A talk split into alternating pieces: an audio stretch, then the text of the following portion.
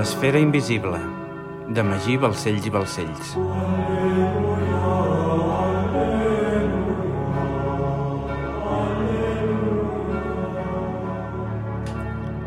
Capítol 8. Pentàgons militars. Dimarts 3 de juliol de 1302. Tortosa de Síria.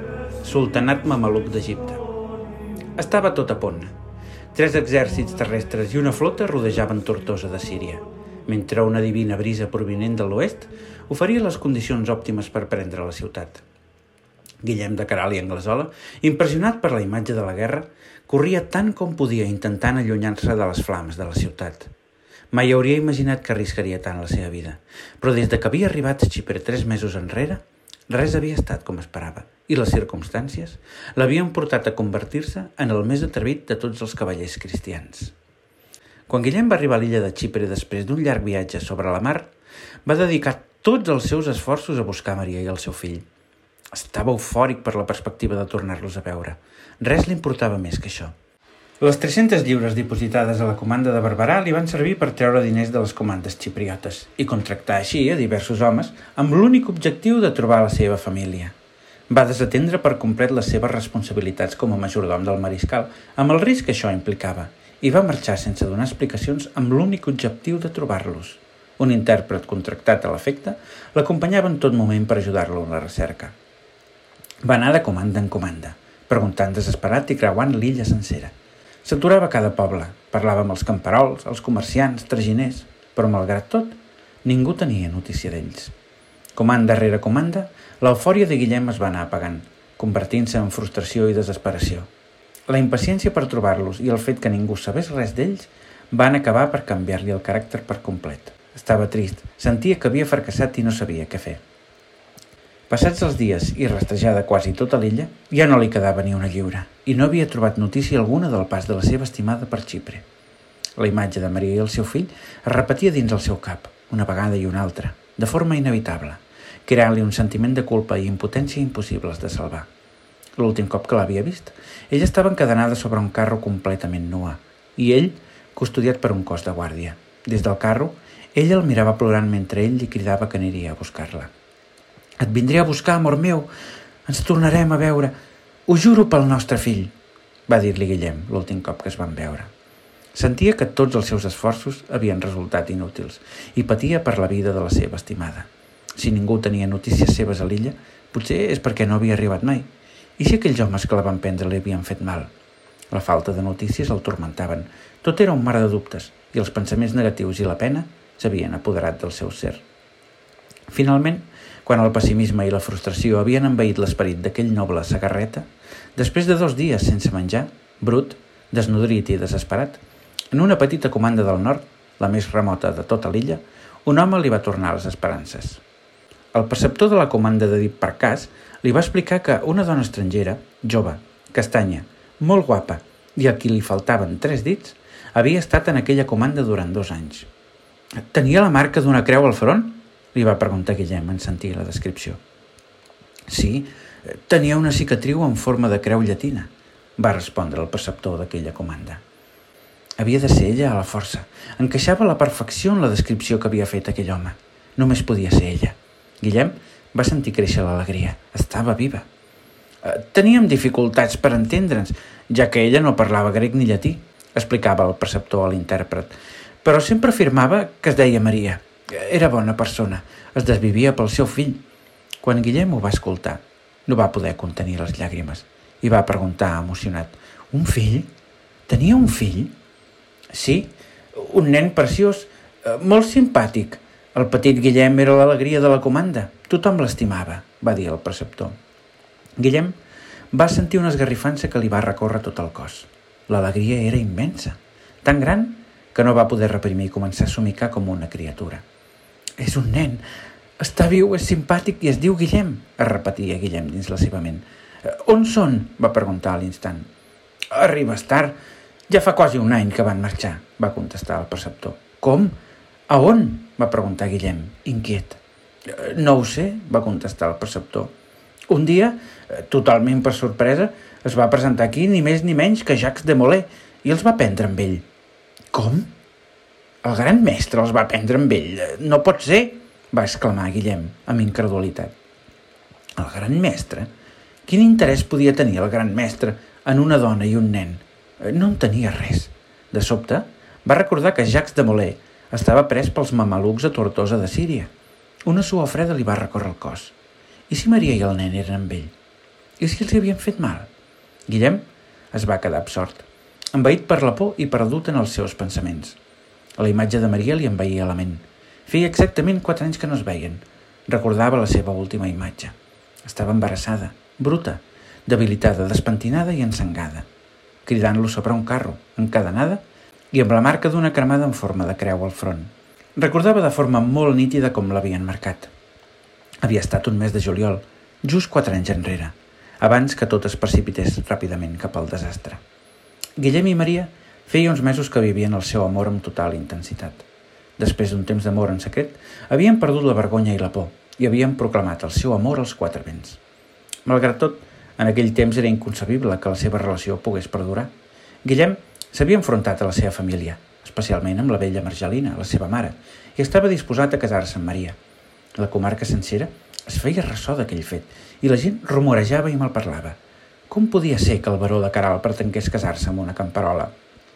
A mesura que passaven els dies i veient que, malgrat tots els problemes que els hi posaven, la parella seguia junta, les males llengües van començar a fer córrer la brama que el baró havia estat embruixat per Maria i que aquesta l'havia induït fins i tot a practicar fornicació. Guillem i Maria sabien que no ho tindrien fàcil, però sentien amor l'un per l'altre i estaven disposats a aguantar tot aquell seguit de despropòsits i mentides. Un dia, estaven passejant tranquil·lament pels camps de safrà de la Baixa Sagarra, per les costes de Savallà, rient, mirant-se i jugant, perduts l'un en l'altre, aprofitant aquell esplèndid moment de solitud, quan de sobte van sentir algú cridant a Maria. És el meu germà petit, va dir Maria, espantada. Guillem i Maria es van sobresaltar i es van dirigir tan de pressa com van poder cap a la direcció d'on provenien els crits, fins que el van veure. El nen estava suat i venia corrent i esbufegant per la costa. Han vingut uns homes a casa demanant per tu, va dir a la seva germana. Han regirat la casa sencera i han pres el pare. Com? El pare on l'han pres? va preguntar Maria, espantada. El castell, va respondre el nen. Instantàniament, tots tres es van posar a córrer avall en direcció al lloc de les piles, on Maria vivia amb el seu pare i els seus germans. El petit poble, molt proper a Santa Coloma de Caral, no comptava més de set o vuit cases, molt precàries, totes arraulides al contorn d'un petit castell al capdamunt d'un turó. El senyor del lloc era Bernat de Timor, un mediocre ressentit pertanyent a la petita noblesa que vivia a la ciutat de Cervera. Guillem el coneixia bé perquè era cosí llunyà seu i sabia perfectament que es destacava pel seu constant abús sobre els serfs. Amb aquests precedents, Guillem i Maria creien que ara es tractava d'un altre moviment d'aquell noble mediocre i indigne. A més a més, observant el castell des de la llunyania, van veure l'estandard del senyor sobre la torre. Sobre fons blanc, un cèrvol de sang passant. Havia de ser cosa Bernat de Timor, ja que només s'alçava el penó quan el senyor era al poble.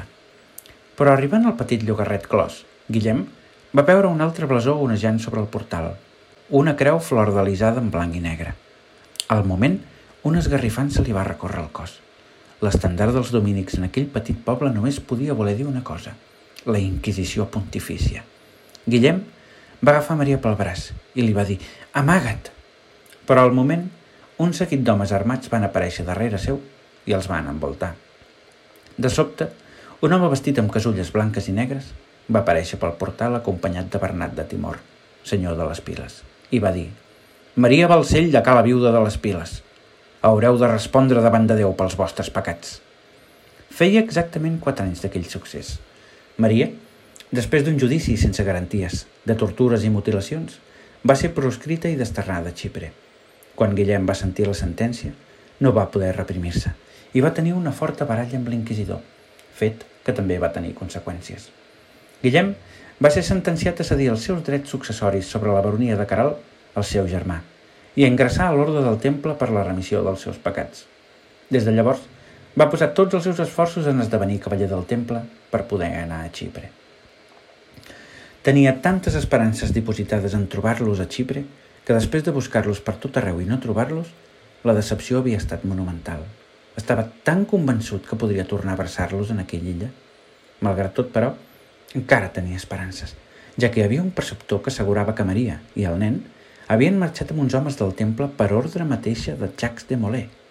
Guillem, interessat ara a parlar amb l'entorn més pròxim del gran mestre, va tornar a l'instant a la comanda de Nicòsia per explicar-ho tot al mariscal. Fardalmau de Rocabertí, en veure el seu majordom, el va esbroncar per haver desaparegut durant uns dies i el va advertir de les conseqüències d'incomplir amb els seus deures. No obstant això, va deixar que Guillem s'expliqués i quan va entendre de què anava tot, es va convèncer que Guillem li seria de gran utilitat. Mentre Guillem havia estat buscant la seva estimada per l'illa, el mariscal ho havia preparat tot per l'expedició secreta a Tortosa de Síria. El gran mestre de l'ordre del temple estava pres en la fortalesa d'aquella ciutat i es tractava de poder-lo rescatar en vida. L'estratègia militar implicava distreure els mamelucs, fent moure les seves tropes a un altre punt, i llavors valdre's del factor sorpresa per irrompre la ciutat amb un exèrcit tan gran que els adoradors de la mitja lluna no tinguessin més remei que rendir-se. El mariscal ho havia coordinat tot conjuntament amb el rei de Xipre, el rei d'Armènia, els bizantins, els almogàvers catalans i el gran Khan Gazan mongol. Però, tanmateix, encara li faltava trobar algú amb prou coratge i valentia per enarborar una bandera blanca i acostar-se a la ciutat en to de pau per exigir l'alliberament de Jacques de Molay. Ara, sabent que Guillem desitjava més que res en el món poder parlar amb el gran mestre, el mariscal es va convèncer que no hi havia millor candidat que ell. Hi ha una manera d'arreglar les coses, Guillem, va dir-li al mariscal. Hi ha una fórmula que em permet aixecar-te el càstig i que al mateix temps et servirà per parlar amb el gran mestre. Quan Guillem va escoltar l'estratègia militar de Fredalmau de Rocabertí, no va tardar ni un segon a respondre que sí. Uns instants després, el mariscal va enviar missives als aliats per coordinar-se i posar el seu pla en marxa. Guillem hauria d'acostar-se a Tortosa de Síria, sol i desarmat, i exigir l'alliberament de Jacques de Molay sota l'amenaça d'un atac imminent. Tota una prova de coratge i valentia, tenint en compte la violència habitual dels mamelucs. Quan el gran exèrcit mongol va rebre la notícia del mariscal, va actuar de forma immediata i es va dividir en dos. Una part de l'exèrcit es va quedar immòbil a les seves possessions, mentre que l'altra va avançar cap al sud en direcció a la ciutat d'Oms per simular un setge. Passats uns dies, mitjançant el cos d'espionatge i les filtracions diplomàtiques del temple, la por dels mamelucs a perdre Oms a mans dels mongols va propiciar un important reagrupament de tropes mahometanes per protegir la ciutat. I com a conseqüència, el gruix de l'exèrcit de Tortosa de Síria va marxar cap a l'est, a la defensa de la gran ciutat d'Oms. Va ser just en aquest moment quan l'exèrcit mongol del nord va començar a descendir en direcció a Tortosa de Síria. Ho tenien tot cronometrat. Al cap de dos dies, a l'hora convinguda, cap a les 5 de la tarda, unes 43 naus cristianes arribaven a les platges de Tortosa de Síria, alhora que l'exèrcit mongol s'acostava a la ciutat pel nord. Els vigies maometans de les torres de la muralla de Tortosa de Síria, sense un exèrcit que els defensés, van quedar sobresaltats de la magnitud que s'observava a l'horitzó. Al sud-oest s'acostaven diverses desenes de vaixells cap a la costa i al nord un gran núvol de pols advertia la presència d'un gran exèrcit. Tortosa de Síria tenia uns 3.000 habitants, protegits només per una precària milícia de sis centenars d'homes, absolutament insignificants davant del que li venia a sobre. La desproporció era absoluta. Per cada 98 croats hi havia tan sols dos milicians maometans. Presos per la por, no van tenir més remei que adoptar una estratègia defensiva – esperant ansiosos poder rendir la ciutat abans que patir un setge que els portés a tots a una mort segura. La ciutat estava construïda just al costat del mar, que li quedava a l'oest, i una muralla l'envoltava pel nord, l'est i el sud. Per aquesta raó, quan la gent va veure una extensa flota davant del port, es van retirar cap als extrems de la ciutat, entorn a les muralles, en teoria més segures. Protegits darrere les muralles, les gens de la petita ciutat resaven a Alà intentant aconseguir la misericòrdia dels dos exèrcits. Els mongols es van parar al nord-est de la ciutat i es van situar estratègicament. Parats a una distància prudencial de les muralles, ho van preparar tot meticulosament, alhora que part de la flota cristiana desembarcava a les platges del sud. Una part important dels mongols van començar a descendir cap al sud. Uns centenars es van parar a l'est de la ciutat i la resta va descendir fins a arribar als cristians del sud. Així, es van conformar tres contingents terrestres separats, envoltant les muralles. El contingent del nord, format únicament per mongols, i el del sud, format per templers, xipriotes, almogàvers i mongols, comptaven amb el mateix nombre d'efectius, mentre que el de l'est era més reduït, però amb millor visibilitat que els altres, raó per la qual seria des d'on es dirigirien les operacions militars. Els mamelucs miraven absorts aquell espectacle militar. Els tres contingents es van posar imitant un pentàgon en posició d'atac. Davant del pentàgon del nord van situar 12 catapultes immenses, dues de les quals, les dels extrems, resultaven més grans que les altres i es trobaven lleugerament més avançades. Simultàniament, una filera de mongols va descendir en direcció a la posició del contingent del sud carregant 12 catapultes més, que van col·locar en idèntica posició amb el pentàgon del nord. Davant del port, a una distància suficient com perquè no fossin atacats, el gruix de la flota bizantina vigilava la part marítima de la ciutat. Tortosa de Síria estava envoltada pels quatre costats, per un poderós exèrcit que sumava 40.000 efectius. Just al centre del Pentàgon Petit, protegits per la guàrdia mongola i els més alts cavallers de l'Orde del Temple, el líder dels mongols, el gran Khan Gazan, Mau de Rocabertí i Hug d'Empúries dirigirien l'estratègia. Malgrat que Guillem sempre havia somiat des de petit en convertir-se en un valerós cavaller invicte que lluités en defensa de la fe, ara mateix el pànic s'havia apoderat d'ell per complet – sobre el cavall sentia tremolar les cames i tenia por. Mai havia tingut tanta por. Però alhora sentia que l'única manera d'aconseguir el favor del gran mestre era aquell.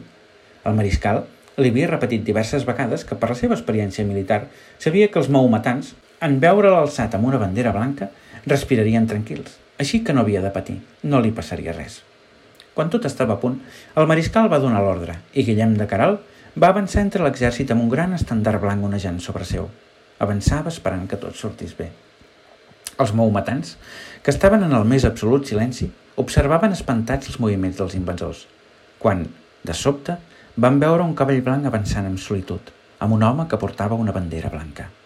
Irreprimiblement van respirar tranquils. Quan un dels guaites va cridar que s'acostava un cavaller per parlar, tothom va fer un crit d'alegria, entenent que hi havia possibilitats de seguir en vida. La por havia resultat. La porta de la muralla es va obrir i va sortir un home muntat a cavall, també amb una bandera blanca.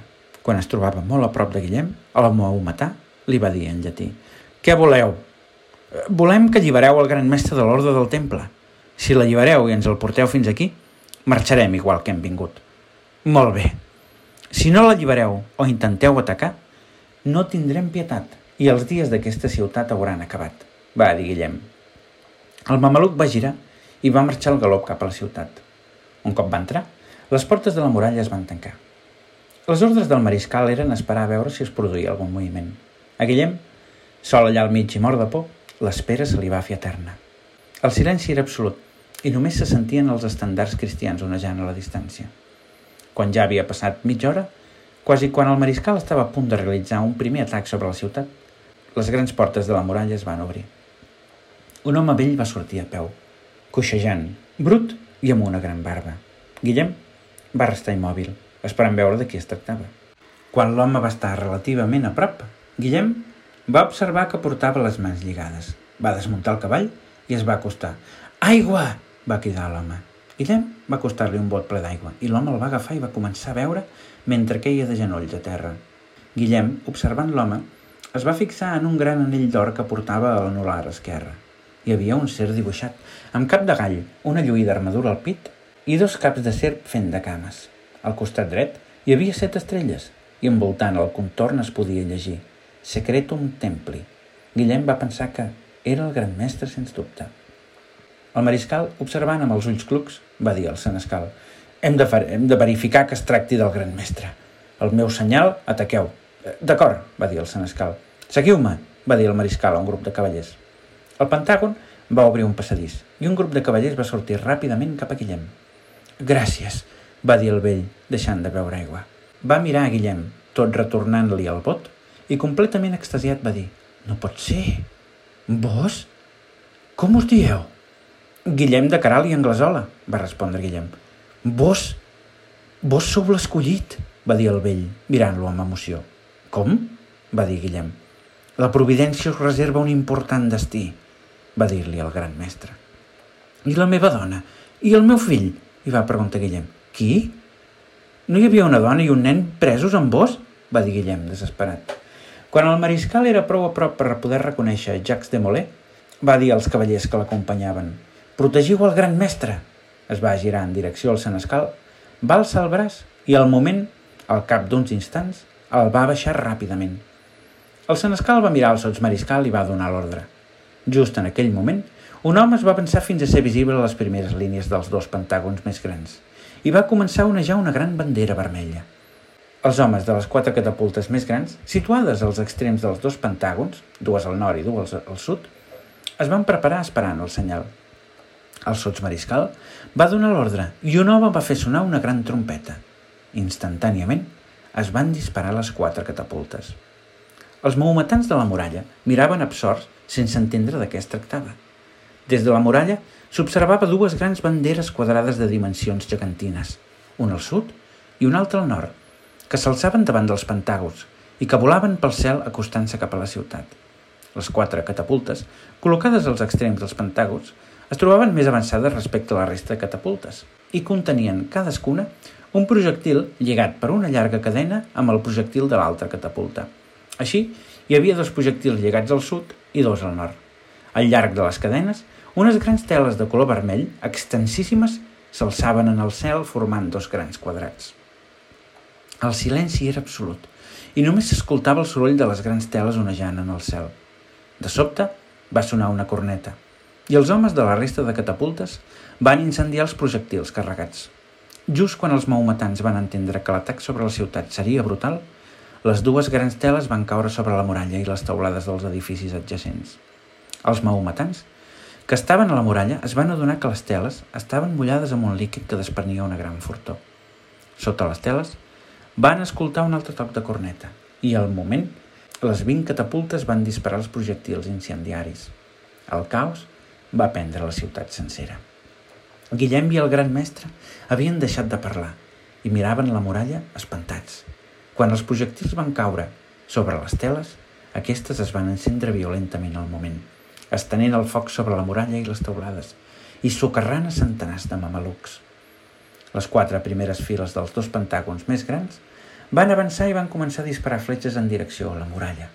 Una intensa pluja de fletxes va començar a caure darrere les muralles, provocant la mort a centenars de persones i obligant els homes i dones que havien sobreviscut al foc i a les fletxes escapar corrents en direcció al punt més allunyat de la muralla, al port.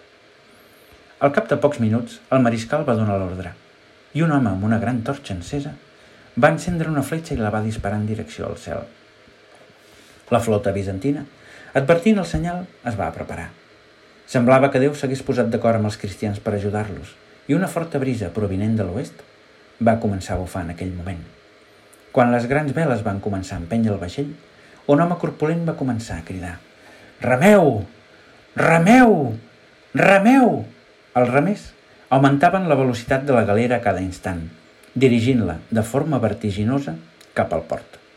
L'interior de la galera estava carregada amb botes plenes d'un líquid incendiari, compost per nafta, sofre, greixos, salnitre i calç viva, que cremava en contacte amb l'aigua. Era el moment del foc grec. Les gens de Tortosa de Síria, preses per la por, s'aglutinaven al port per salvar la vida. Cada cop hi havia més gent. Quan van advertir que s'acostava una galera, intentaven moure's, però era impossible. La gent entrava en estampida pels carrers, provinent de les muralles, i hi havia tanta gent aglutinada allà que era impossible moure's.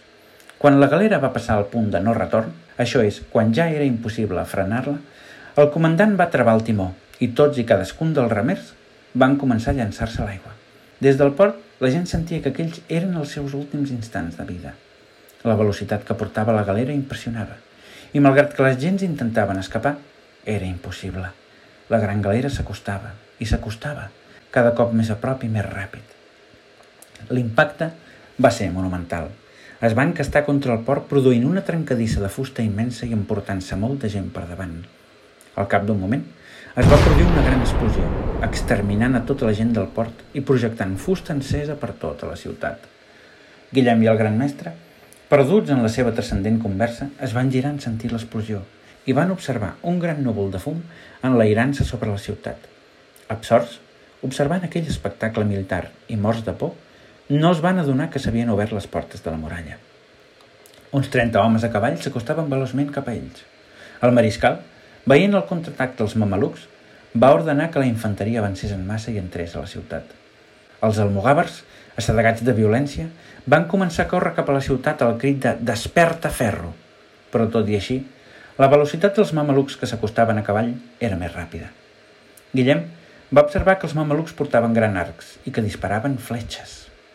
Va mirar al cel i va veure com s'acostava una pluja de fletxes. Instintivament es va posar davant del gran mestre intentant-lo cobrir i una fletxa se li va clavar a la cuixa mentre la pluja queia sobre ells. El mariscal va rebre un impacte sobre l'espatlla que el va fer caure del cavall, just davant de Guillem. Hem de protegir el gran mestre. Agafa el cavall i pren-lo cap als nostres vaixells, va dir el mariscal a Guillem. Guillem, tot i el dolor que sentia a la cuixa, va carregar el gran mestre sobre el cavall i va marxar al galop, tan ràpid com va poder.